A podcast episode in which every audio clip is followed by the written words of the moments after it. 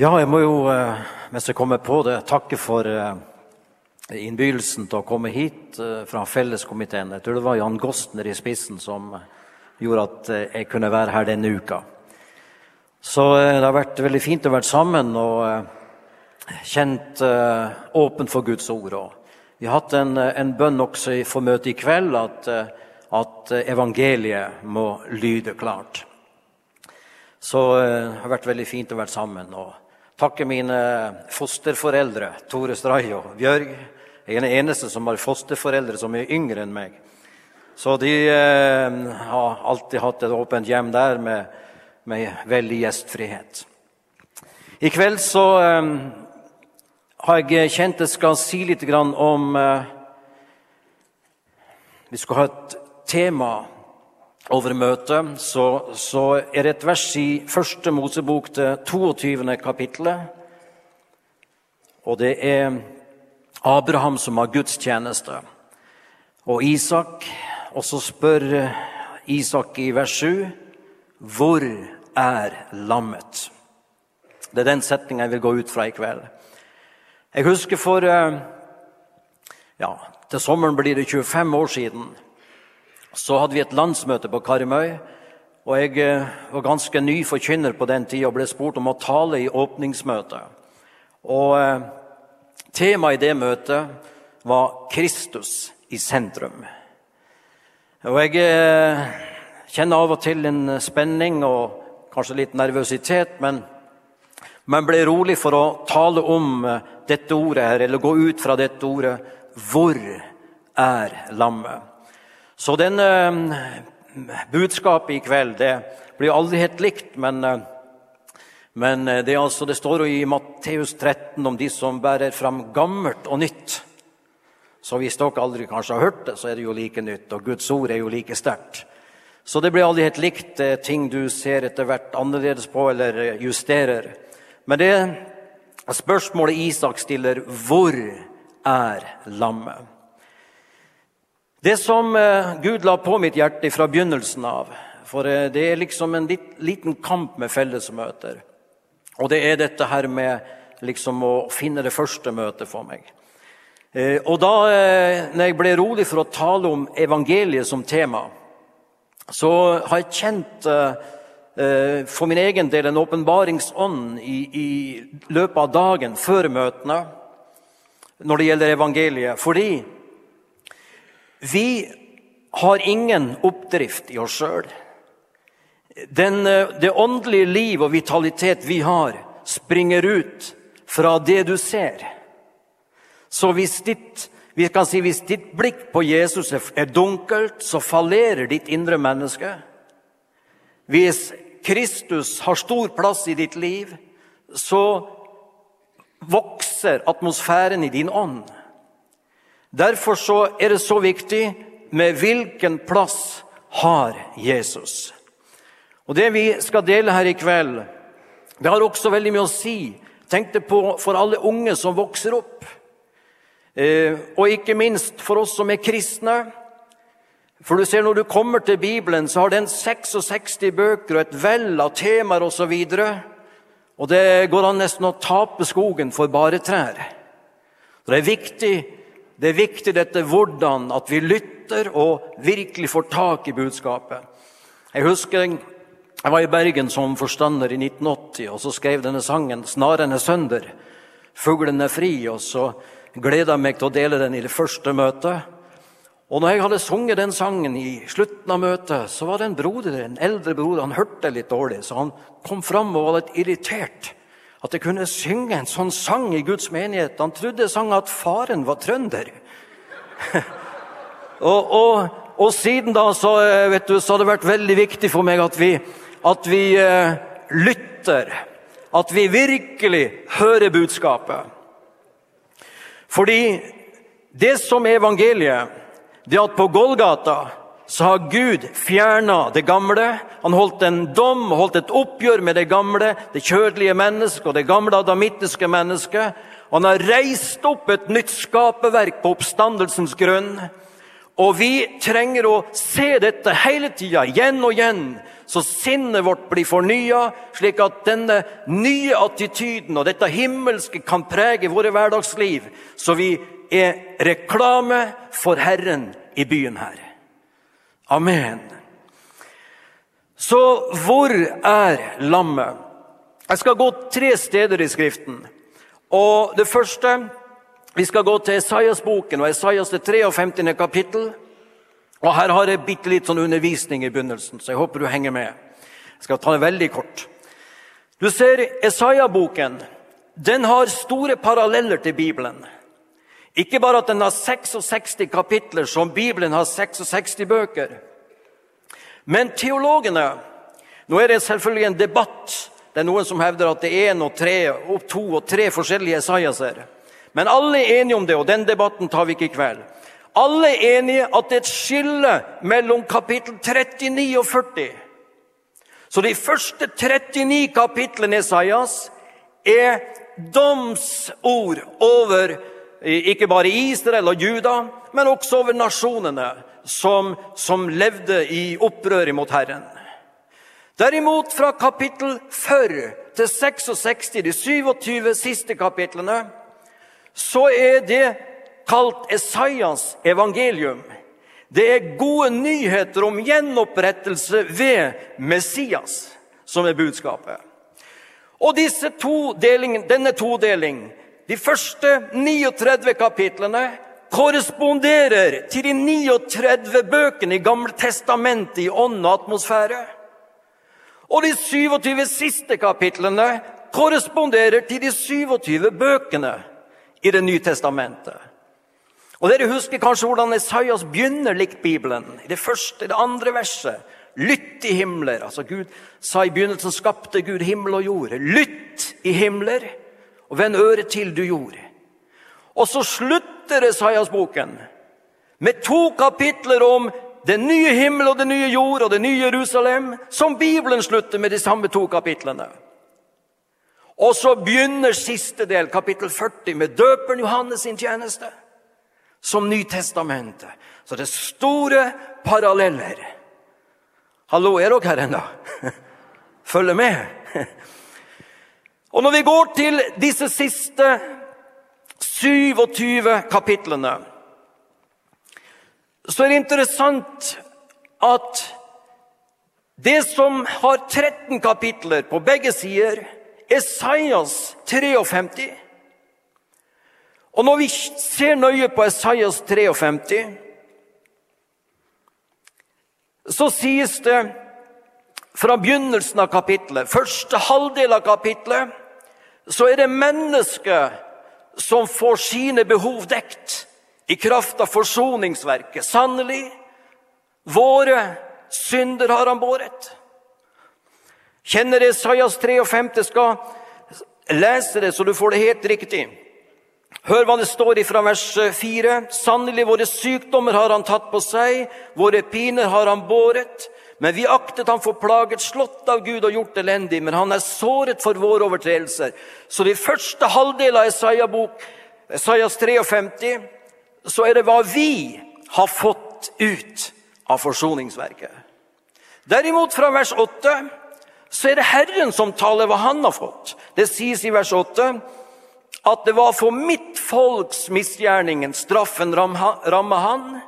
Og i vers 11 min tjener skal rettferdiggjøre de mange. Så vi har en todeling i kapitlet, og det som deler dette kapitlet i to deler, er vers 7, hvor det står midt i verset et lam som føres bort for å slaktes. Så det er lammet som knytter oss til Gud. Lammet er i sentrum på Golgata. Derfor så ble han korsfesta med en røver på hver side, som på en måte representerer og illustrerer hele menneskehetens todeling. At Kristus han er en Guds kraft til frelse for verden som tror. Men så står det at det er en dårskap ord om korset for den som går fortapt. Så det er en todeling. Det var ingen forskjell når det gjaldt skyld og moral til disse røverne. Men det var synet på Jesus som avgjorde evigheten.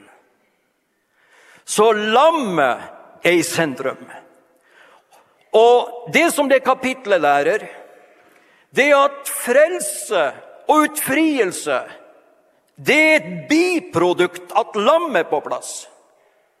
Så hvis lammet er ute i periferien, så kan vi streve oss i hjel for å få tak i alt det som vi ønsker. Men hvis lammet er i sentrum, så flyter det ut frielse iblant oss. Så frelse, utfrielse og legedom kommer fra Han. Så vi lever i forvirrende tid. Og vi er av naturen selvsentrert. Vi har feil sentrum pga. syndefallet. Men ved Guds under iblant oss i kveld, så kan Den hellige ånd bringe fram Kristus i ditt liv på en sånn måte at du får et nytt sentrum. Hvor er lammet? Og for at vi skal ha et nytt sentrum Det var nevnt i et bønnemøte her i kveld. Vi hadde to bønnemøter. Både i Kirkens hus ved siden av her og inne i sakristiet. Og det var nevnt, jeg vet ikke hvilket møte, men det var nevnt at vi må ydmyke oss. Hør nå, det flyter ifra tronen i kveld. Guds velsignelse. Jesus har gjort et fullbrakt verk. Hvordan skal jeg komme inn i det? Hvordan skal jeg få del i det? Ved å ydmyke meg. Så på Golgata så er Jesus i sentrum. Og Det er bare én måte å leve på. Uten forvirring. I en verden som er så urolig. Det er bare én måte, og da er Jesus i sentrum. Det gjør deg stabil om du er ustabil. Det gir deg en stabilitet og en klippefasthet, selv om du er slitt i nerven og ikke så sterk. For hemmeligheten til vår styrke er Kristus. Halleluja. Så lammet er i sentrum på Golgata. Når vi går til eh, åpenbaringen 4 og 5, så er vi i himmelen. Og eh, disse to kapitlene de eh, taler om to skaperverk. Så i kapittel fire så tilber himmelske vesener og engler De tilber lammet fordi, eller Herren pga. skaperverket. Mens i kapittel fem så er det en tilbedelse pga. forløsningsverket. For vi er ikke bare skapt, vi er skapt og forløst. Og Det er interessant med det kapittel fem det at det står om tronen i himmelen. Og så står det hva som er rundt tronen. Det er interessant å se, og det første som nevnes, det er fire livsvesener. Det er vanlig tanke å legge det ut som fire aspekter av Kristus. At de utstråler Han som er på tronen, fire sider av Han. Så er det 24 eldste. Og en han leste det kapitlet, så visste han om han ville til himmelen likevel. Han syntes det var så mange eldstebrødre i himmelen. Men eh, de, det er en vanlig tanke at de 24 eldste er representative for Guds folk i den gamle og den nye pakt. Alle som trodde på Herren, både i den gamle, de 12, Israels tolv stammer og lammets tolv apostler. Så de er representative. Og så står det at det er myriader i vers 11 av engler rundt tronen. Og hva er det de holder på med? Jo, når vi leser her, og hva som er sentrum, så står det i vers 6 at midt for tronen sto det et lam. Legg merke til midt. Ikke ute i periferien, men midt for tronen var det et lam som var slakta. Amen. Lammet er i sentrum. Og hva er det de holder på med i himmelen? Det står at de synger en ny sang. De fyller himmelen med tilbedelse, og de synger lammets pris. Så lovprisning er et mirakel. Det er ingen aktivitet som vi kan starte klokka halv åtte eller klokka sju. Lovprisning er et under. Hvis, jeg, hvis Jesus er langt ute i periferien, og jeg sier 'jeg priser deg, Herre', så sier han at det er bare noe du sier. det. Vi kan, si, vi kan fake it, altså. Vi kan si alt. For at vi skal virkelig tilbe Herren, så må Den hellige ånd gjøre et under i vårt hjerte og bli omskåret fra all tillit til kjøtt og sette alvor Det de juda betyr pris. En sann gjør en er omskåret av hjertet, sier Romerne 2. Så den som priser Herren, den som har fått omskåret, skjært av tilliten til selvet, så han har Kristus igjen, han priser Gud. Så hvor er lammet i kveld? Lammet er i sentrum på Golgata. Og hvis du er åpen i kveld for å la Den hellige ånd bringe Kristus opp i ditt liv, så skjer det frelsende mirakel iblant oss. Amen. Frelse er ikke noe å ta seg sammen. Det er et produkt av at Jesus er kommet på plass. For det andre tilbedelse er et biprodukt av at lammet har rett posisjon. Amen. Og da er det Du ser, det er umulig. Nå kommer vi inn på her, vet du. Hva er tilbedelse? Det er umulig å ikke tilbe hvis Kristus er sentrum. Amen. Så hvor er lammet? Ja, når vi går på Golgata, så er han i sentrum. Går vi inn i himmelen, så er han i sentrum der òg. Og det tredje stedet, det nye Jerusalem, det er åpenbaringen 21 og 22.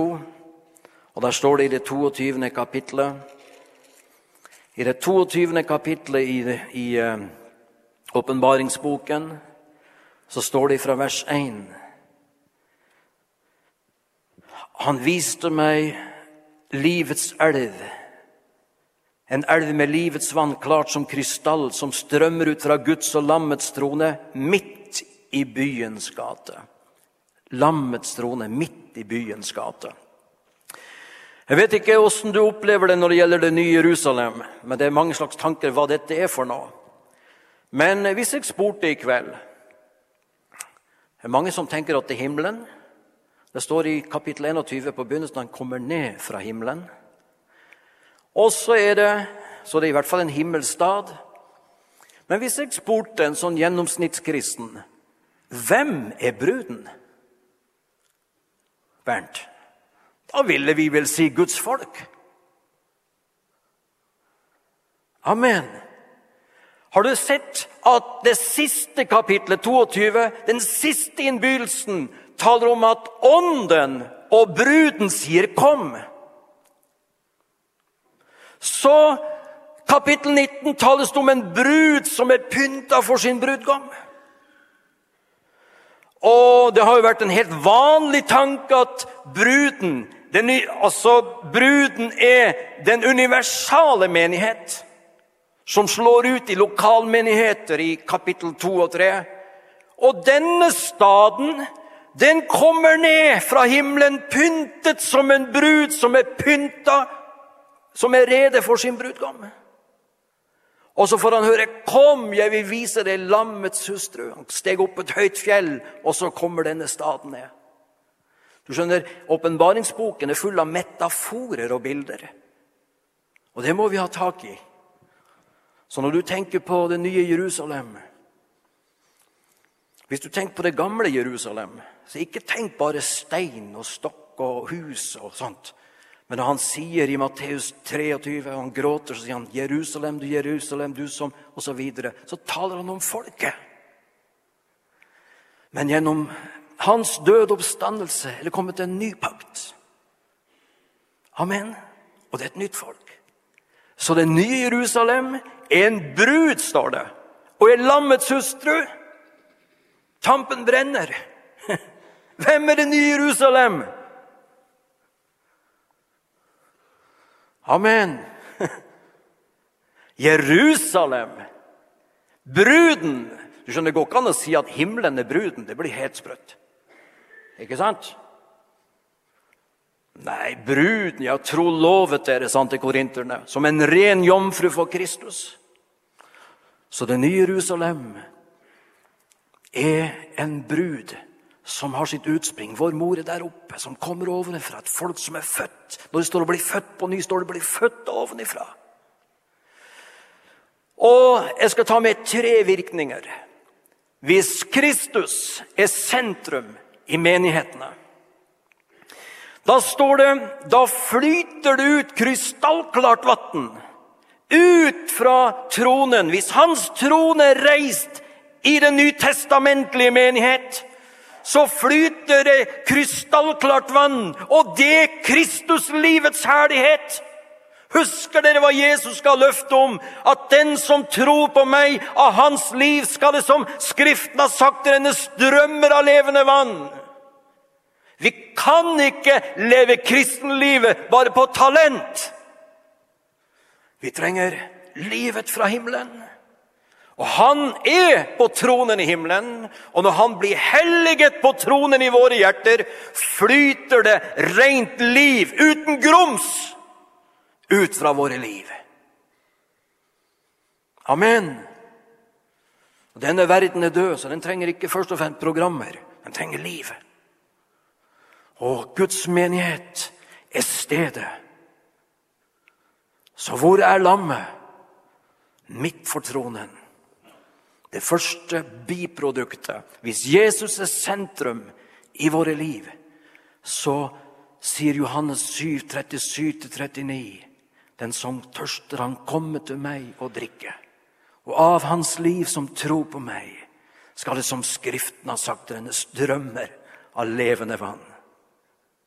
Det sa han om ånd de skulle få, som trodde på ham. Så det første det er at hvis Kristus ikke er på tronen, så vi manifesterer selvet, så er det mye grums med oss. Men hvis Jesus er på tronen, så brytes grumset. Og så er det en ny kilde som er etablert. Og så er det krystallklart. Og når du kommer på sånne møter, så blir evangeliet klart òg. Amen.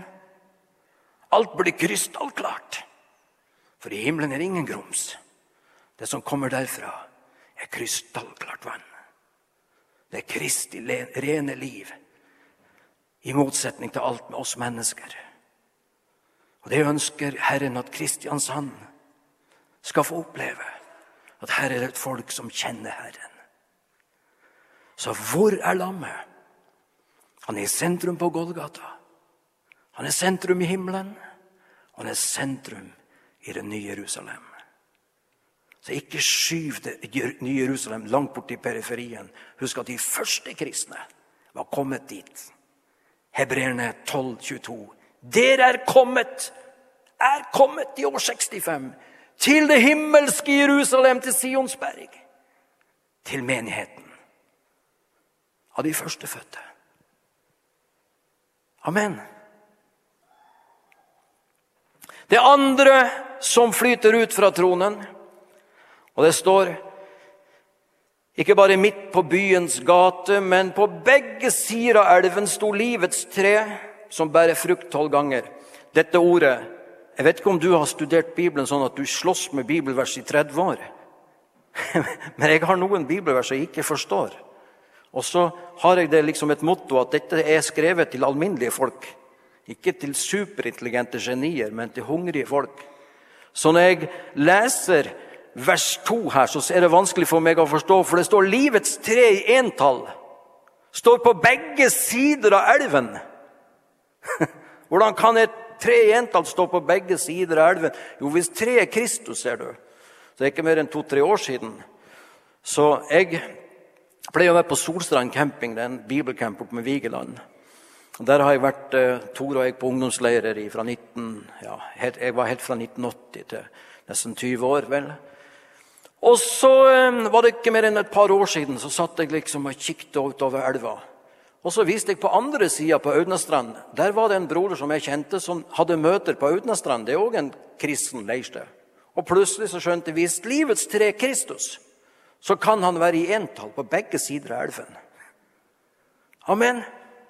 Hvis dette er åndelig, Da er det ikke noe problem. Men hvis vi beveger oss i en fysisk Dette er tegn som er skrevet, som illustrerer åndelige sannheter.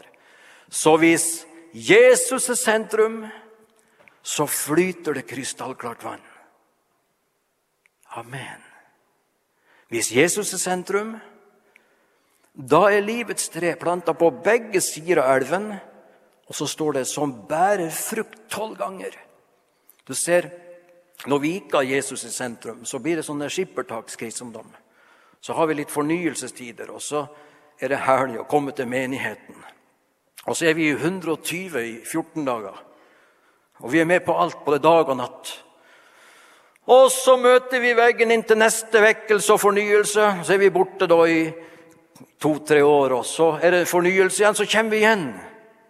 For vi blir så ustabile vet du, når Jesus ikke er sentrum. Men når han er sentrum, så bærer du frukt tolv ganger om året. Hva vil det si? Du bærer frukt i januar. Hva er det for noe? Husker dere det våkne treet i Jeremia 1? Når Jeremia skulle tjene Herren, så måtte han ha en visjon av hva dette gikk ut på. Så Herren spør hva ser du, Jeremias? Jo, jeg ser et våkne tre, vet du, det mandeltre som, som blomstrer i januar, når det er vinter, når alle andre tre ikke blomstrer. Og Det er hemmeligheten med å tjene Herren. Det er oppstandelseslivet som blomstrer når det er vinter. Når det ikke er liv laga. Jesus er stått opp igjen. Og Du og jeg er ikke livlaga, men han er. Han er planta midt i vinteren. Og jeg kan bære frukt tolv ganger om året. Halleluja. Så hvor er lammet? Det vil jeg si hvis du er her i kveld som ikke en kristen, og du ungdom som er blant oss. Noe av hemmeligheten til å bli stabil. For det er så mange inntrykk. Det er tusen inntrykk fra denne verden. Men hvis Jesus er sentrum, så får du en forankring, og så vil alt komme i harmoni. Så han er sentrum i himmelen. Han er sentrum i det nye Jerusalem. Og så står det til slutt Og bladene på treet tjener til helse for folkeslagene. Så utfor staden er det masse behov. Hvis du leser videre nå om det nye Jerusalem, så vil du si at utenfor portene er det en mengde behov. Men ut fra portene går livets elv. Og bladene er til legedom. Så der hvor Kristus er på tronen, i menighetene, flyter den balsam ut til den døende verden. Amen. Hvor er lammet? Tjeneste. Et biprodukt av at Jesus lever i oss. At Jesus er sentrum. Så han spør Isak, han skal ha gudstjeneste, og så ser han det er viktig med ved. og, og så videre, Men så spør han hvor er lammet? Det er det vi må spørre oss. Hvor er Jesus i det vi holder på med? Jo, han, Gud har plassert Jesus i sentrum på Golgata. Han har plassert han i sentrum i himmelen, i sentrum i det nye Jerusalem som gjør at det flyter levende vann ut til den døende verden. Det er menigheten som er satt i verden, hvor det flyter. Amen. Så vi kan spørre, vi kunne ha tatt med treenigheten. Hvor er Kristus i treenigheten? Han er sentrum. Faderen, Sønnen og Den hellige ånd. Lokalmenigheten i kapittel 2 og 3 i åpenbaringsboken, midt mellom lysestakene. Ikke ute i periferien. Midt imellom dem var det en som lignet en menneskesønn. Og Den hellige ånd blir æret i kveld dersom vi lar Han bringe Jesus fram som sentrum i våre liv. Og Da vil allting falle på plass. og Det er bare et tidsspørsmål, så ordner tingene seg. Men i Han i periferien så kan vi streve oss i hjel. Jeg husker som nyfrelst. Jeg har vitna litt om det her, at jeg ble frelst da jeg var 24 år. Og hadde en enorm hunger. Trodde når jeg var på vekkelsesmøter at det bare uker om å gjøre, så er alt over. Så jeg eh, fikk en enorm hunger etter bøker. Så jeg, jeg eh, når jeg da seinere ble gift, og, eh, så ville ikke jeg verken kjøpe møbler eller klær. Det var bare noe kjødelig. Jeg ville bare ha bøker, så jeg har kanskje 8000-9000 bøker. 6000 engelske. vet du, Skrev til alle forlag. I, ja, ikke alle, da, men 50 forlag kanskje i USA og England og ville ha, ville ha noe inn i topplokket, under topplokket før alt var over.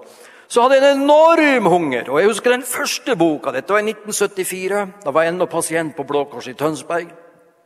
Og Den første boka jeg leste, den heter 'Guds makt ved lovsang', som kom ut midt på 70-tallet. Og når jeg hadde lest den, så var jeg helt sikker på at jeg hadde løsning til alle ting. Og det skulle tilbe og prise Herren og lovsynge Herren under alle forhold. Og så da, når det var på møter, da, så hadde jeg løsningen.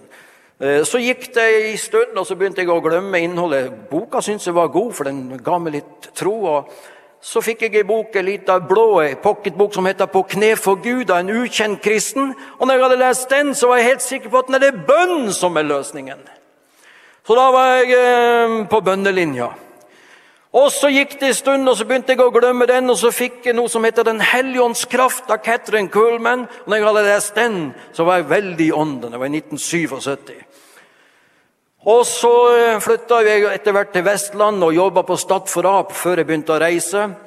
Så der leste jeg en bok som heter 'Helbrede de syke' av Tiel Aasborn. Og når jeg leste den, så det året var jeg ryggspesialist. Så når folk hadde vondt i ryggen, så tente jeg på alle pluggene og var voldsomt frimodig og sprang ned i salen. og og Herren var forunderlig nådig, så vi fikk jo de vitnesbyrdene. Så vi var jo mer i, sammen med en annen broder som heter Bjørnar Hemstad. Så vi var jo, var jo, i himmelen det året når vi begynte å reise ut med evangeliet. Og så eh, fikk jeg en bok som het eh, 'Kristen'. Altså, du, skal, du, skulle ikke bare sitte og se folk i nakken, du skulle hilse på det. og Kristenfellesskap er viktig.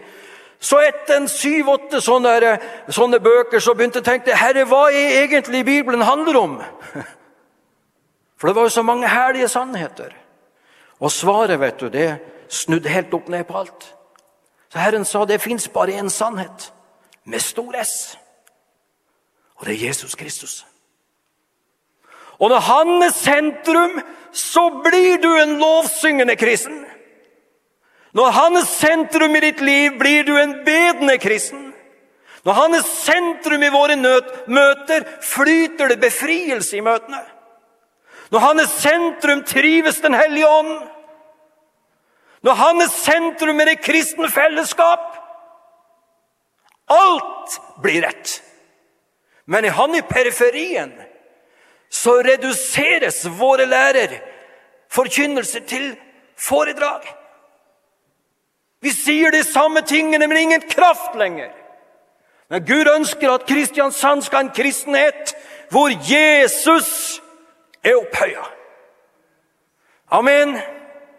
Hvor er lammet? Og nå kjenner jeg at det begynner å ta tak i meg. For dette handler om framtida vår òg. Hvordan skal det bli i forsamlingene våre? Hva skal bryte de kreftene som dominerer vårt land med avkristning? Det er så mye herlig talent, men duger talent? Nei, når Jesus er sentrum, vil Guds ånd begynne å ta tak i oss. Så Jesus er her i kveld. Han er sentrum på Golgata. Så ingen kan løfte han opp her i kveld uten å ha et forløst hjerte. Så hvis Jesus får være sentrum i ditt liv, bør du ikke tenke på at du må ta deg sammen for å bli frelst. Du blir spontant. Hvis du åpner deg opp nå og sier 'Jesus, jeg tilber deg', blir du spontant et nytt menneske.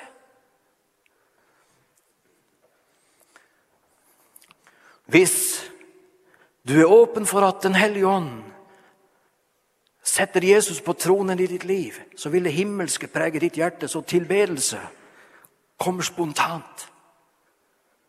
Amen. Jeg tilber deg, Herre. Ja, har vi grunn til å takke Herren? Jeg pleier å takke bare for et wienerbrød. Skulle vi ikke prise Herren? Hva er det med oss? Jeg husker det var ny, så var det noen som sa at nei, du, det, må, du, det, er farlig å bli litt for glad, for kan, da kan du få deg en nedtur. Så det er nesten bedre å være deprimert hele tida, så du ikke risikerer noe. Men du skjønner, hvis du skal være med på noe i 50 år, så må vi komme inn i livet. 50-60 år. Og hvis, hvis vi ikke åpner oss for åndens liv, og så skal leve som kristne på egne ressurser, så egentlig så er vi motløse, nedtrykte. Og vi preges mer og mer av motløshetens ånd. Og så skal vi ut og evangelisere. Og Så går vi til naboen og så banker vi på og så spør vi, vil du ha det jeg har. Når han ser hvordan vi har det, blir han jo livredd.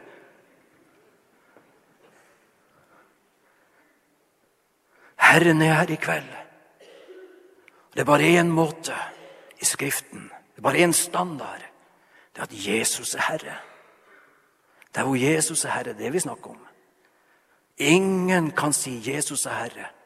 Ingen kan åpne seg for Jesus uten å bli frelst. Så det handler om hvilken posisjon Jesus har. Og all turbulens Jeg sier ikke at det kan være masse uro, og det kan skje masse ting, negative ting rundt deg.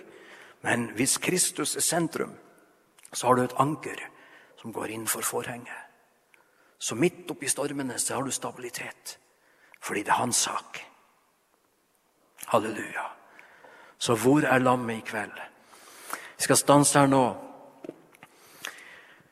Men hvis det vi har delt, er riktig i kveld, så er Jesus han er opphøya ved Faderens høyre hånd. Og når vi begynner å gi respons til det, åpne oss for Ånden, for vi kan ikke liksom ta sammen til noe, men Ånden er her å gi, assistere oss, hjelpe oss å bringe dette på plass så flyter det strømmer fra himmelen som utretter det vi selv ikke kan. Vi må aldri prøve å lage til noen egen glede, spille et eller annet teater, men bare si 'Jesus, jeg er tom'. Salig er de fattige i ånden, for himmelens rike er deres.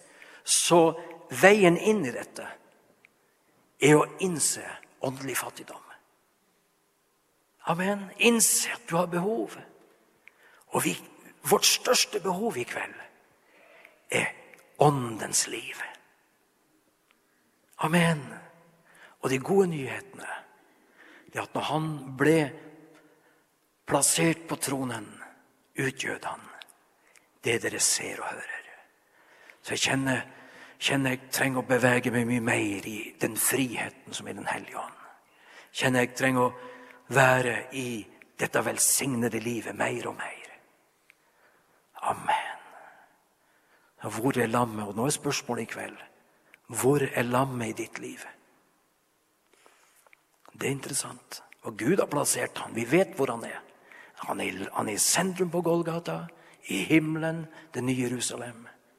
Og da er spørsmålet hvor er Jesus i ditt liv? Og hvis Jesus får sitte på tronen i våre hjerter vil rent vann flyte ut.